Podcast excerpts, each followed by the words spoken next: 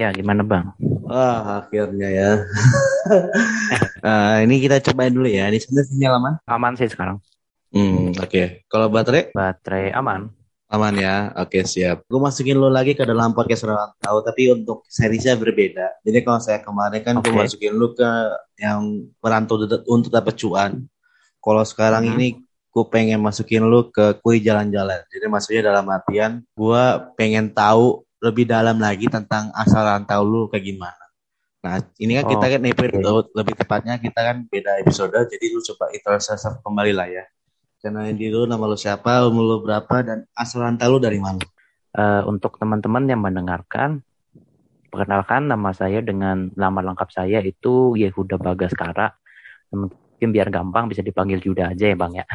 Terus sekarang saya usianya 27 tahun dan saya sekarang bekerja di ya salah satu perusahaan eh, perusahaan IT lah, perusahaan penjual software. Kantornya ada di Jakarta Selatan. Tapi saya di sini ini sebenarnya merantau ya, jadi saya bukan asli dari Jakarta. Saya aslinya itu dari kota Cirebon. Dan saya merantau itu udah dari tahun 2019. Jadi ini tahun ketiga saya ada di kota Jakarta. Hmm. Seperti itu. Oke oke. Jadi kalau saya kalian pengen dengerin yang part pertama. Jadi gue sudah berkolaborasi dengan podcastnya dia sama akan satu lagi. Ya. Uh, ada di podcast Rantau episode ke-15 season kedua. Jadi untuk yang sekarang ini gue pengen tahu lebih rinci lagi tentang Cirebon. Coba lu jelasin ekspektasi yang lu dapatkan dari rekan-rekan pernah berinteraksi lu dari rekan kerja lu atau mungkin dari tempat lu pas sekarang ngerantau bagaimana tentang Cirebon dan realitanya sebagai anak Cirebon itu seperti apa coba Cirebon itu ya pertama panas. kalau tanya panasnya luar biasa itu kalau udah lagi musim panas tuh siap-siap lah bajunya basah sama keringet.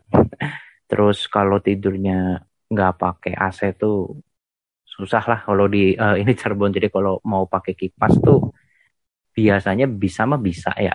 Tapi harus kayak mungkin lepas baju kalau yang laki-laki atau mungkin sambil pintunya dibuka, sambil jendelanya dibuka supaya ada tambahan angin karena Cirebon itu panasnya luar biasa.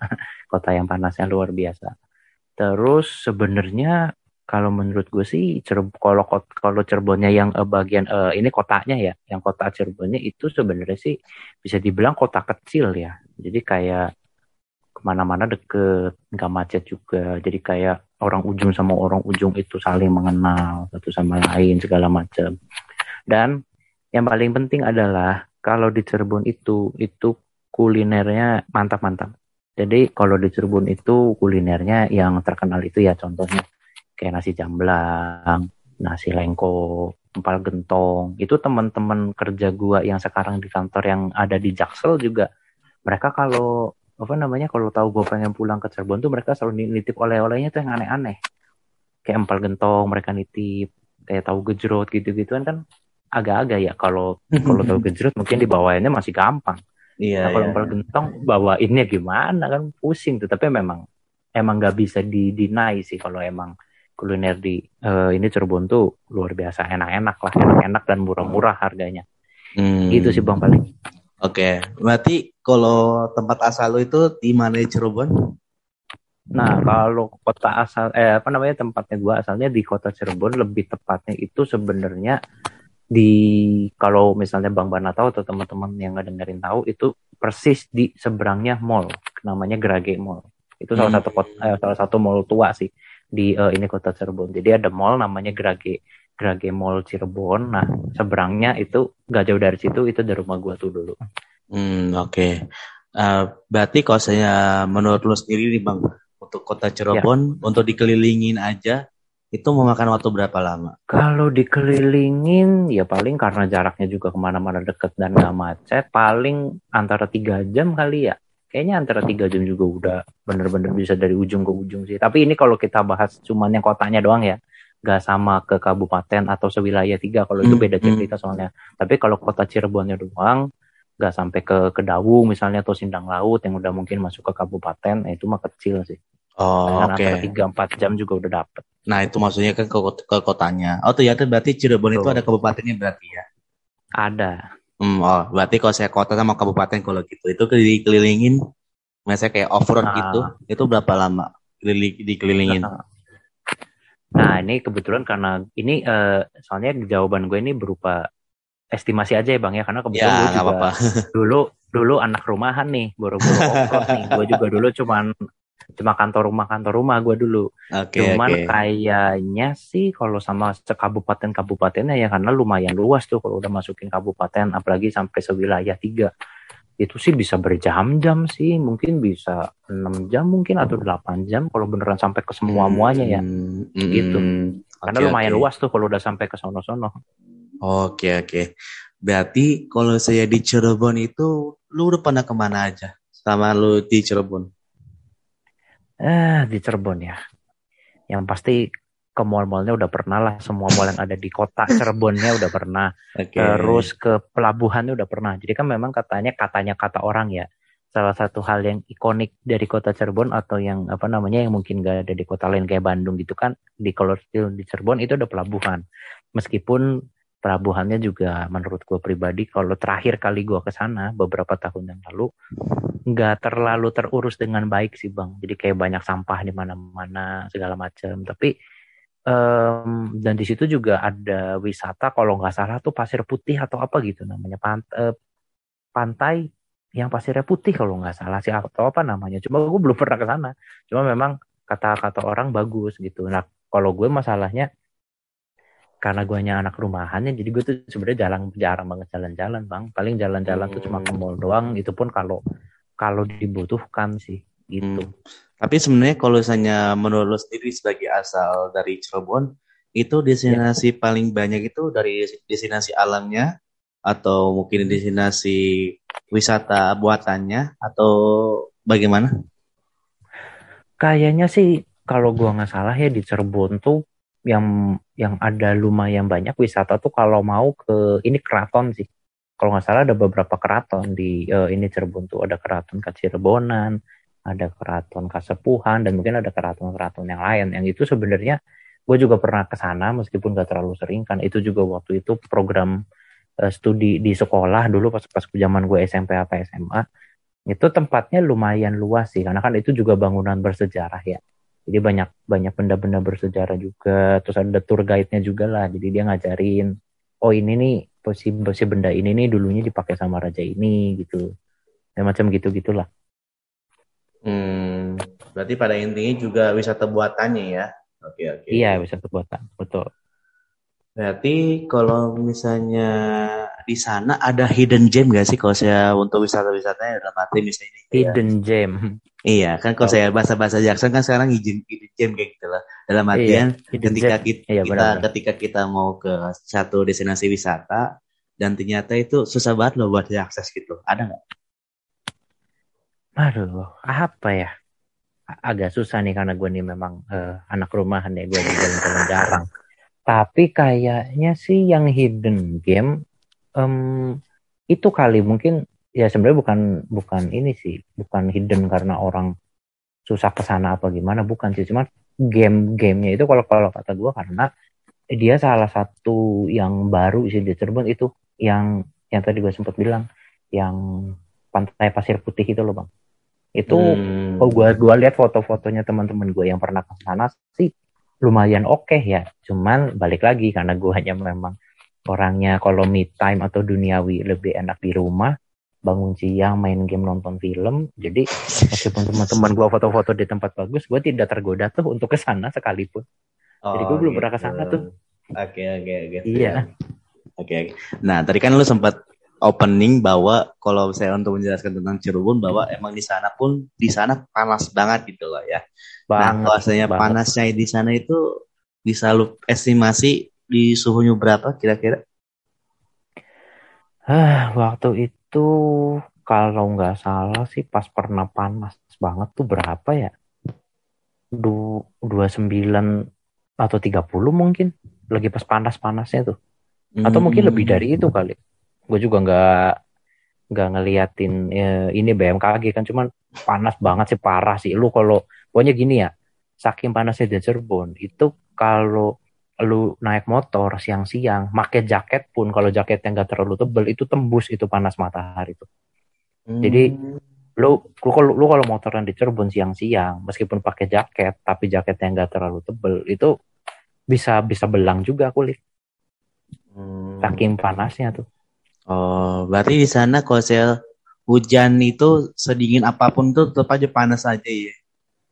Iya hujannya cuma nambah sejuk-sejuk doang sedikit. Tapi tetap sebenarnya gerah panas sumpah. Oh, jadi gitu. kalau misalnya malam nih malam hujan nggak nggak terlalu membantu juga biar bisa tidur lebih nyenyak karena uh, ini sejuk itu juga nggak terlalu kebantu juga karena tetap panas tetap hmm, gerah. hmm, gitu ya oke. Okay. nah tadi kan tentang suhu kalau tentang kulturnya di sana gimana? Kultur ya. Mungkin kalau di sana sih sejauh ini gue maksudnya dulu ya lagi pas gue masih tinggal di sana gue punya keluarga punya saudara di sana teman-teman di sana sampai kuliah sampai kerja. Kerja pertama gue dua tahun di situ rata-rata sih kalau secara budaya ya kayaknya rata-rata orang Cirebon itu diisi sama Jawa, Sunda, sama Chinese. Bahkan kalau kita bicara soal yang keturunan Chinese di Cirebon, di Cirebon itu ada yang namanya eh, eh, daerah itu namanya Pecinan, itu isinya rata-rata orang Chinese semua. Dan kalau kita bicara kultur sih kayaknya mungkin ya mungkin ini sih mungkin ya bang ya mungkin karena Cirebon juga kotanya kota kecil bisa gue bilang ya kota yang gak terlalu gede juga lah apalagi kalau kita cuma menghitung kotanya gak sama kabupaten atau yang sewilayah tiga itu karena orangnya juga sedikit dan mungkin rata-rata juga uh, apa namanya orang tua orang tuanya juga masih yang kayak kolot gitu old school juga di situ yang rata-rata yang gue lihat jadi rata-rata di situ orang hidupnya masih pada nurut sama orang tua semua sih kalau yang lihat hmm. kulturnya belum okay, ada okay. belum belum banyak lah belum banyak orang yang anak lah mungkin terutama ya belum banyak anak yang mungkin secara umur sebenarnya dia udah berhak lah buat nentuin pilihan hidupnya dia sendiri. Hmm. tapi mungkin karena kulturnya di situnya seperti itu jadi dia manut apa kata orang tua meskipun secara umur dia udah dewasa gitu. Hmm, oke. Okay. itu banyak saya, banget tuh gue temuin. Oh banyak banget ya.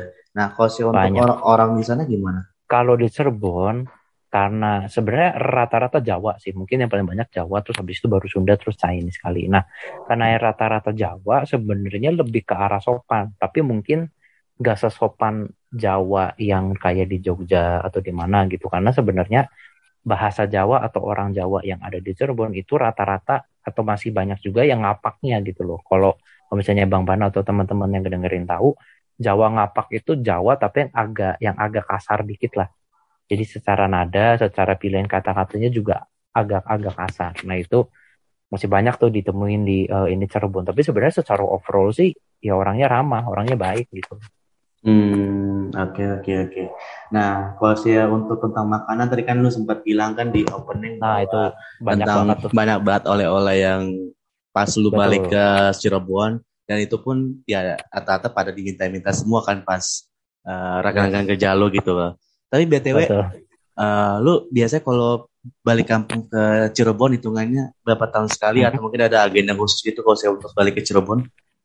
Wah, jujur sih apalagi sekarang kan pokoknya gua itu mulai dari tahun jadi kan gua ke Jakarta memang 2019 tapi bisa gue bilang ya secara personal gue udah full jadi orang Jakarta jadi warga Jakarta itu 2020 hmm. kenapa gue bilang begitu? Karena gue rumah yang di Cirebon itu yang yang rumahnya orang tua itu udah dijual. Jadi orang tua gue pun pindah ke pindah ke Jakarta. Jadi kalau sekarang ditanya pulangnya kapan setahun sekali pun belum tentu pulang. Jadi kayak kemarin Lebaran aja contohnya. Pas yang libur Lebaran itu itu gue nggak pulang. Karena karena gue juga mikir ya gue pulang juga buat apa? Rumah juga udah nggak punya.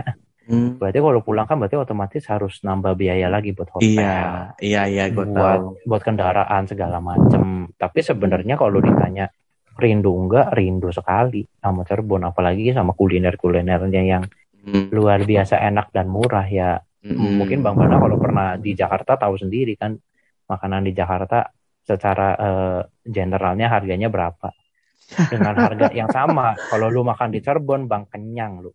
Iya, kan beda juga dengan pendapatannya juga kan sama iya, kayak iya, UMR juga beda. Iya, kan terkadang kalau saya kita sebagai wisatawan ke suatu destinasi wisata yang tanda kutip bisa dibilang harga bilang murah-murah ya pasti juga orang-orang di sana juga pendapatannya atau UMR-nya atau UMK-nya ya juga setara dengan apa yang mereka dapatkan gitu.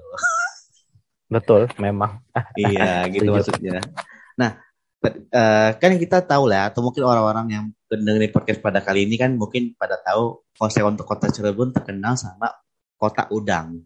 Nah, itu Betul. banyak yang udang rebon, banyak yang udang yes, apa gitu terasi, itu kan dari Cirebon iya. juga kan.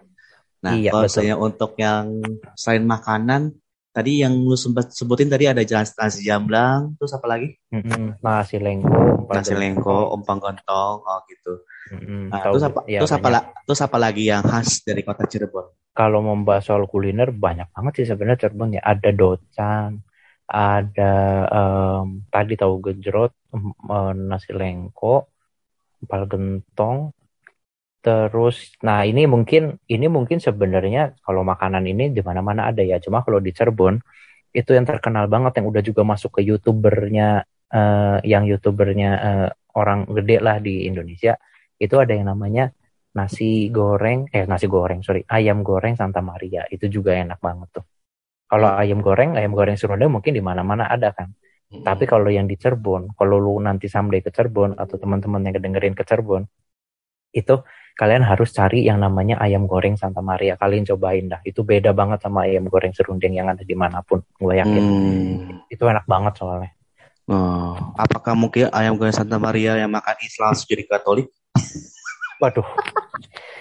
Waduh, waduh, waduh berat nih. Gua jamin sih enggak ya. Ya meskipun dia jualannya juga tempat di depannya sekolah Katolik ya di depan sekolah Santa Maria ya tapi nggak nggak nggak akan jadi auto Katolik kok tenang aja nggak ada nggak ada begituan nggak ada nggak ada aman ya, siapa tahu bisa ya siapa tahu kan buat transfer lewat makanan gitu waduh Enggak kok, enggak aman aman aman. Aman ya, oke. Okay. Nah, tadi kan aman. tentang tentang makanan. Nah, kalau saya untuk minuman iya. khas dari yang uh, halal maupun non halal? Waduh, non halal di Cirebon, aduh apa ya? Kayaknya sih di Cirebon kalau setahu gue ya bang ya minuman kayaknya nggak terlalu banyak sih yang khas tapi yang gue salah satu yang khas yang gue juga suka banget dan itu juga ada di toko oleh-oleh khas Cirebon itu ada yang namanya Jennifer kalau pernah dengar. Hmm. Jennifer itu jeruk nipis peres itu oh, luar biasa okay. enak tuh. Itu kalau lo lagi sakit tenggorokan atau cuma pengen minum yang kayak asam-asam biar seger gitu apalagi kan kalau di ini Cirebon kan panas banget tuh lo minum jeruk nipis peras pakai es batu, wah mantep banget sih itu.